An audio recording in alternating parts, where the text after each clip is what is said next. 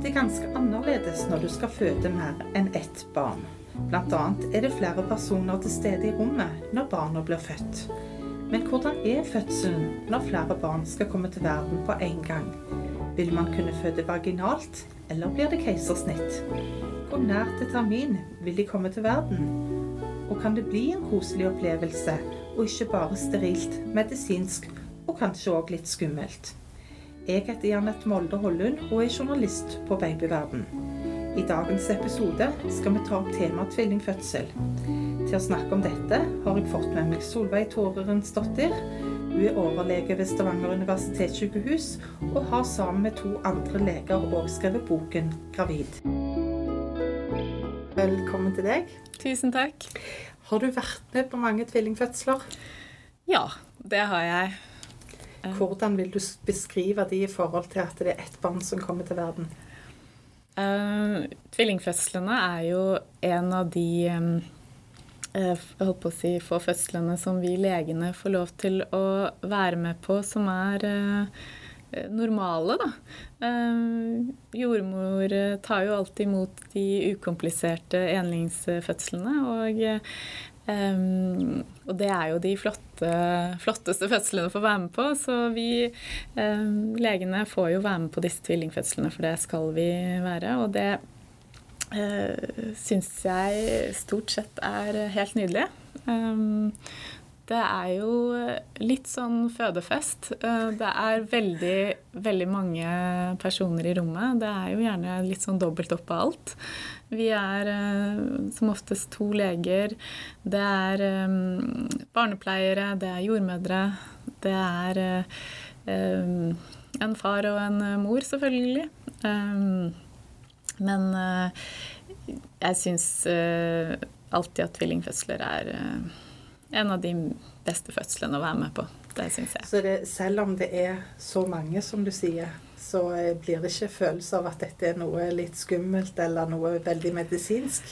Nei, altså det blir jo alltid litt uh, hva man gjør det til. Og så er det jo litt med risikoprofilen til den fødende. Altså hvilket utgangspunkt har vi. Men uh, det er klart at uh, er dette um, en, en, kvinne med to barn i magen som ligger i hodeleie, så er det jo utgangspunktet tilrettelagt for at uh, dette skal bli en, en flott og, og, fin opplevelse. Så tenker jeg jo at vi som helsepersonell har en oppgave om å bevare roen og profesjonaliteten, og klare på en måte å å være gode fødselshjelpere. Um, vi deltar jo på liksom det største i verden til det paret. Og det skal vi ha litt respekt for. Så da prøver vi jo å opptre deretter, og, og, skulle det være akutte situasjoner som kommer til, så liker jeg i hvert fall å ha pratet litt med paret på forhånd når de kommer inn på fødestua og ting er liksom litt sånn rolig. Og presentere meg, fortelle hvordan vi planlegger å gjøre dette her. Og skulle det bli dårlig lyd på en av tvillingene, ja, så har vi den og den og den utveien, på en måte. Så mm. at de kan være forberedt på det. Vi tar jo gjerne litt raske avgjørelser når de skal tas, og da er det viktig at uh, paret er forberedt på at uh, det kan skje. Mm. mm. For et tvillingsvangerskap blir regnet som et risikosvangerskap, og det vil si at dette er en risikofødsel? Ja, det er det. Mm. Hva er det som gjør at det blir en risikofødsel? Ehm, det kan være flere ting. Det kan jo være ehm, ting med svangerskapet som gjør at dette er en risikofødsel. Ehm, kvinnene har jo, eh, som er tvillinggravide, har en større risiko for å få svangerskapskomplikasjoner, sånn som f.eks. Eh, svangerskapsforgiftning. Det er jo ofte en sånn ekstra risiko også i, i fødsel. Barna kan være små. De kan, uh, det kan være forskjell i størrelse på de. Det kan være litt hvilken vei de ligger, osv., uh, osv. Som styrer litt uh, hva som setter på en måte risikoprofilen. Mm. Så det er derfor en har alle de ekstra folkene her, for å kunne ta alle eventualiteter? Ja, det er jo det. Og vi, vi skal være et, et team som, som tar imot disse barna, hvor alle er like viktige. Mm. Hvordan kommer disse barna som oftest til verden? Altså, nå sier du de kan ligge på ulik måte. Jeg har sett at det mest vanlige er at begge to ligger med hodet ned. Mhm. Eh, og det nest vanligste er én i hodeleie, én i seteleie. Ja. Eh, kan en føde vaginalt i begge disse tilfellene? Ja. Eh, det som egentlig spiller mest rolle for en tvillingfødsel, er jo hvordan eh, tvilling 1, altså den som ligger nærmest fødselskanalen, hvordan den ligger. Ligger den i et, det vi kaller et lengdeleie, eller altså enten hode eller sete ned, så kan man føde vaginalt. Det er litt andre hva skal vi si, retningslinjer rundt seteleie. Da tenker jeg litt sånn på hvor stort det er eh, barnet osv., men det er også en sånn individuell vurdering. Um, hvordan to, eh, tvilling to ligger, det, det ordner vi stort sett med. Så det vil si at dere går inn og korrigerer etterpå? Eh, ja, um, når eh, tvilling 1 har blitt født, så er det jo god plass inni livmoren, og da kan jo den som ligger igjen, eh, legge seg i prinsippet alle veier, den. Så eh, å, hvis den eh, opprinnelig har ligget i et hodeleie, så tar eh, enten jordmor eller eh, en annen eh, hjelper i rommet der og, og stabilisere leie. Og så tar en av vi legene og sjekker med ultralyd hvordan tvillingen ligger, og så gjør vi alt vi kan for å da tilrettelegge for eh, at den skal fødes eh, vaginalt. Enten da i hodeleie, eller eh, hvis den kommer ned med, med rumpa først, så seteleie. Um, vi ser jo også at hvis de legger seg på tvers, så kan vi gå inn med en hånd og, og finne foten til babyen og, og trekke den ut på fot.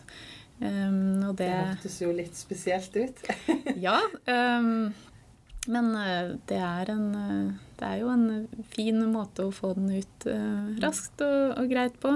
Um, vi prøver jo selvfølgelig å, å uh, gjøre det med å skånsomt og at mor har gått smertelindret med epidural, men um, jeg har vel ikke noe tall på hvor ofte vi gjør det. Men eh, ja, inntrykket mitt er nå i hvert fall eh, at eh, de aller fleste kommer ut med hode-hode, og at eh, det stort sett er faktisk jordmor som kan ta imot. Mm. For dere tar imot hvis det er noe ekstra. Ja, skulle vi trenge å forløse et seteleie, eller at det er dårlig lyd som gjør at vi må forløse med vakuum eller tang, så er vi legene involvert. Men på helt ukompliserte fødsler i hodeleie, så eh, tar jordmor alltid imot. Mm. Jeg ble litt interessert i dette her med at eh, den andre tvillingen kan egentlig legge seg hvordan han vil, og at dere da stabiliserer. Vil det si at noen står fysisk og holder ute på magen? Ja, det stemmer. Ja. Um, ofte så legger de seg der helt uh, spontant, men, men det er uh, som regel en av fødselshjelperne, om det er uh, lege eller jordmor eller barnepleier, som holder et stabilt grep, og mens den, en annen sjekker da hvordan barnet ligger med ultralyd. Mm. Men jeg tenker litt sånn Jeg har jo født tre barn sjøl og Mm. tenker å, den deilige følelsen, nå er jeg ferdig. Mm. Men da er det jo bare å begynne på neste. Hvor Ja. lang tid tar det før det pleier å skje? Det varierer litt. Um, som oftest er det bare noen minutter mellom eh, tvilling 1 og tvilling 2. Um, men eh, ja, har vi eh, god lyd på tvilling 2, så er det jo ikke noe Har vi det som oftest ikke veldig travelt. Men eh, vi ser jo at eh, som oftest kommer den ned, og så hjelper vi av og til med litt ristimulerende drypp. Og, og da ser vi at den fødes eh, fint eh, kort tid etterpå. Også, Er det forskjell på å å føde nummer én og nummer to? Eh, trykketiden på nummer to er gjerne kortere. Mm.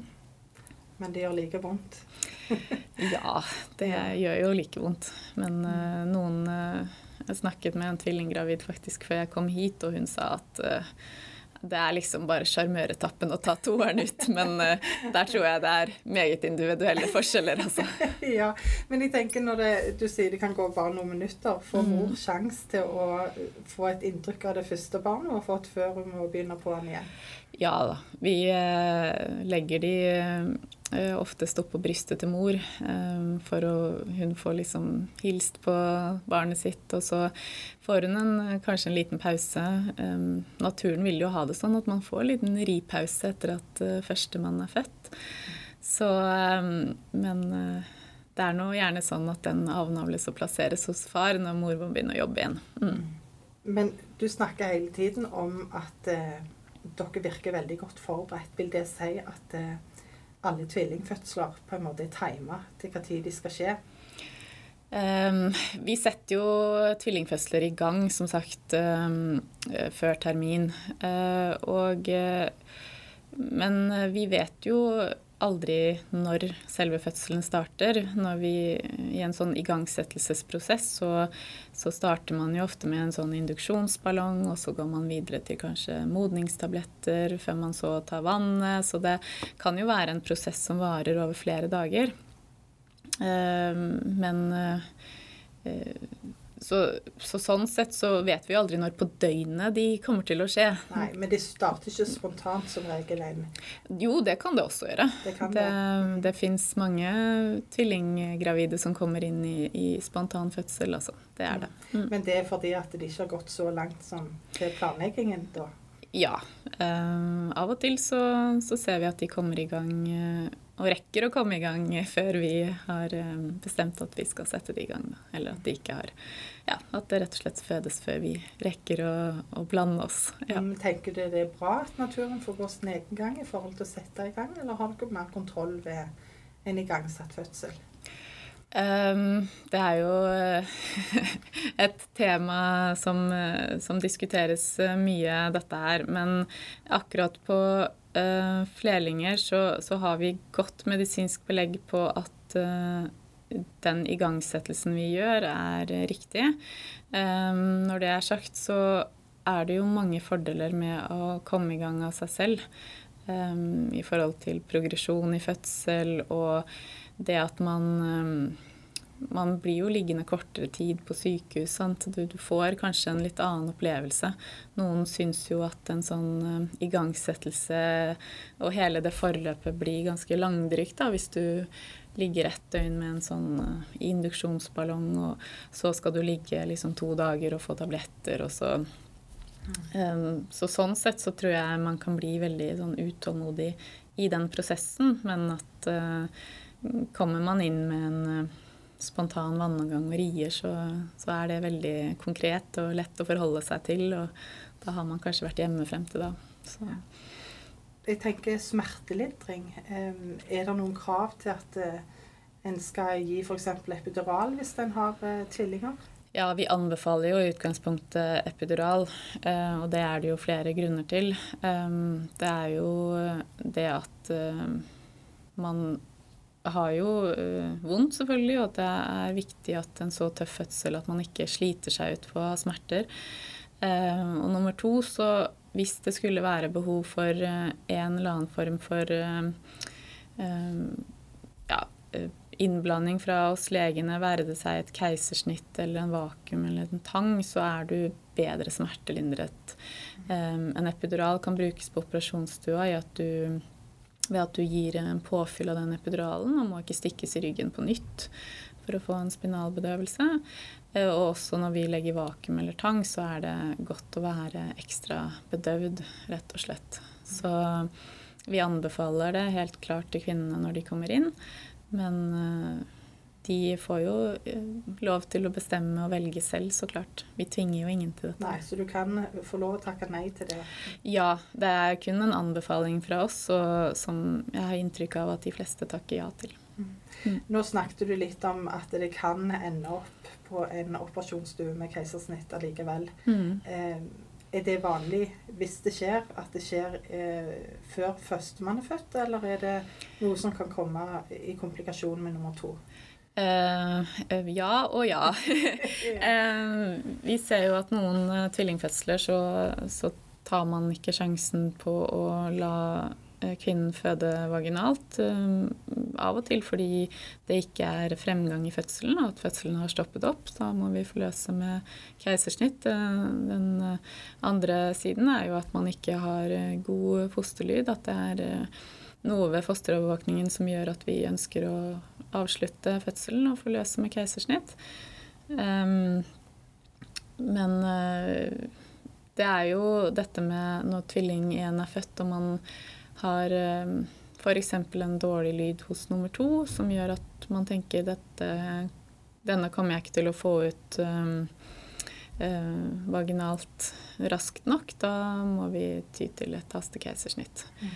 Så det er, eh, det er fortsatt eh, noen i året hvor vi må forløse med, med hastekeisersnitt på tvilling 2. Men, og det er en mulighet vi må bare ha.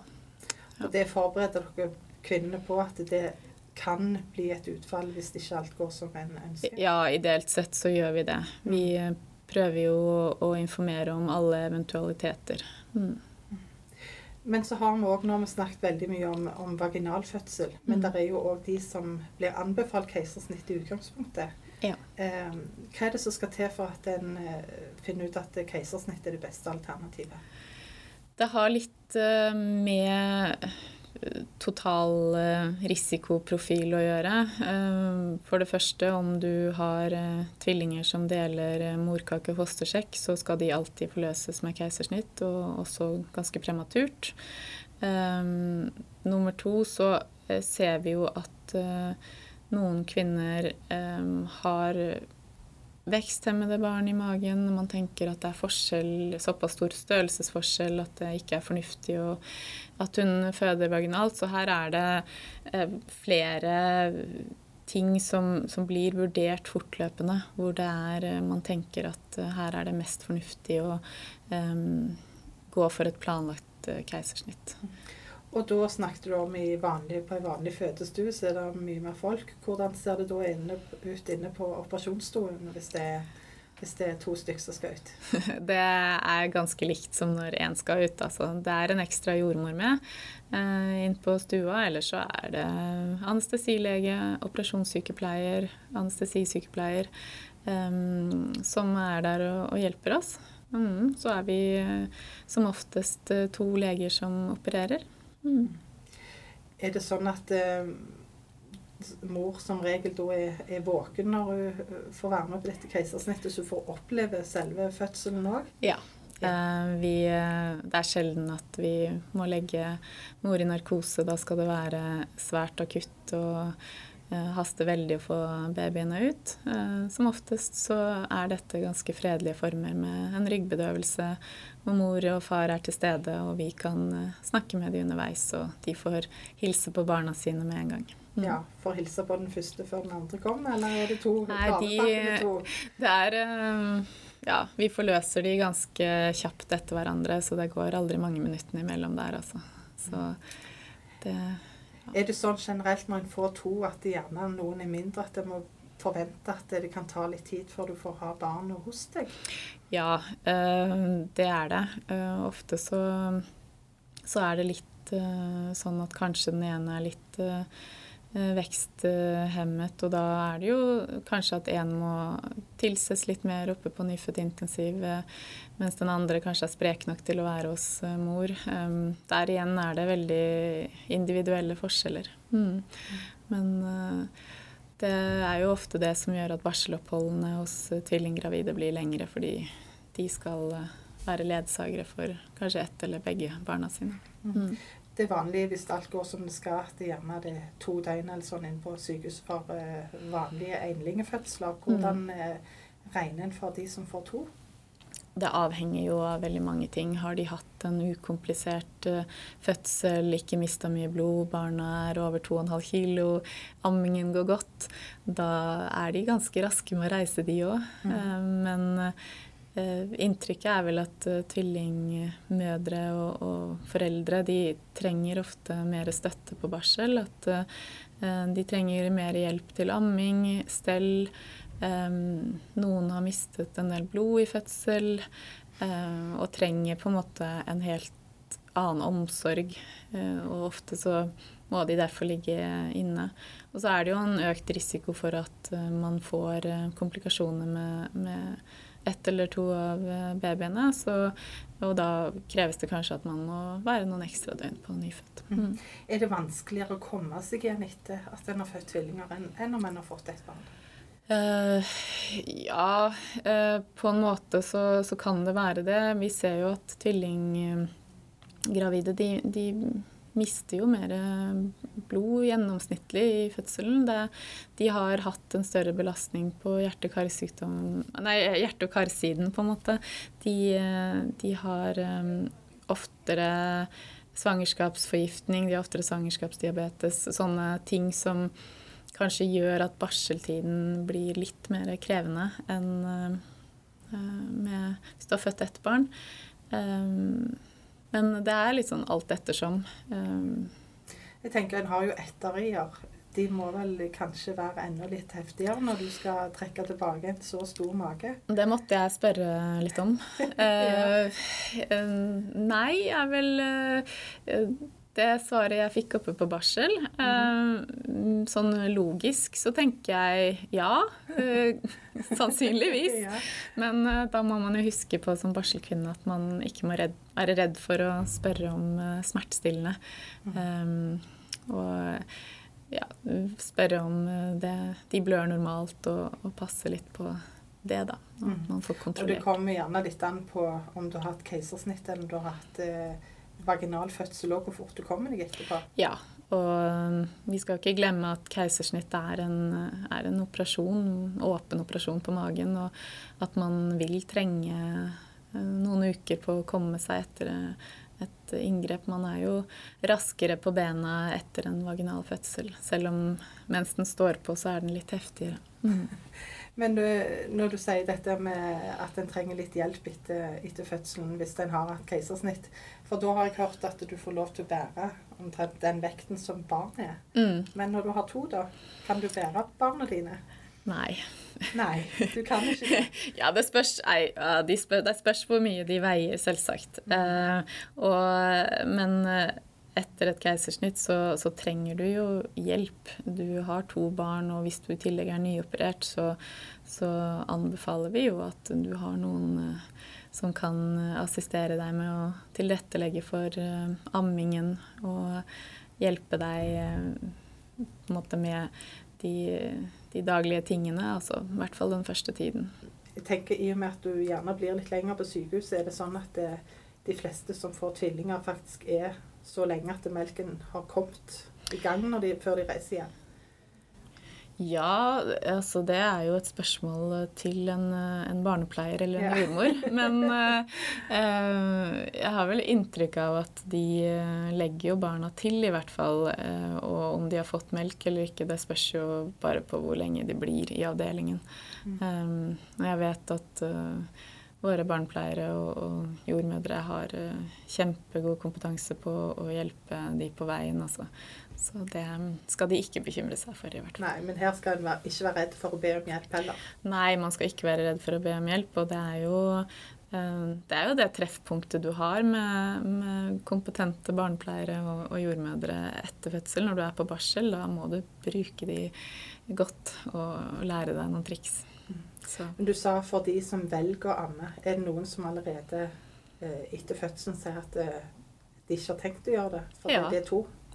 Det er det. Mm. Um, vi oppfordrer selvsagt til å forsøke å amme eller pumpe eller um, sånn, men, men uh, i utgangspunktet så skal de få lov til å velge, selv om sånn um, ja, det er mange helsemessige gevinster på å amme, men av og til så er det ikke riktig for verken mor eller barn at de presser seg til dette. Mm. Men eh, merker du en forskjell der i forhold til de som får ett barn, og de som får to? Hvordan de ser på det? Nei, i grunnen ikke. Eh, det er vel de med, med, to barn som kanskje er avhengig av at noen hjelper til. Eh, er jo avhengig av at den ene kanskje klarer å ta en flaske istedenfor en pupp. da. Mm. Hvis de ikke skal sitte og, og tvillingamme. Mm. Når de reiser hjem fra sykehuset, det er to barn, sikkert dobbel glede, men er det òg dobbel eh, usikkerhet og redsel i forhold til de som får ett? Um, jeg tror jo de fleste tvillingforeldre har forberedt seg godt, kanskje til og med bedre, fordi de eh, har en såpass stor oppgave i møtet. Men um,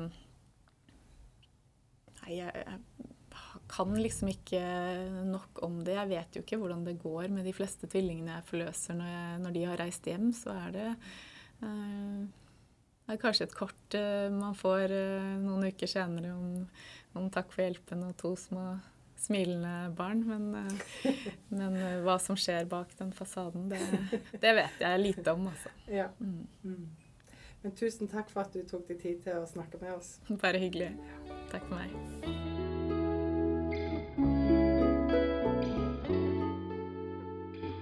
Ønsker du å lese mer om fødsel, har vi mange artikler på babyverden.no.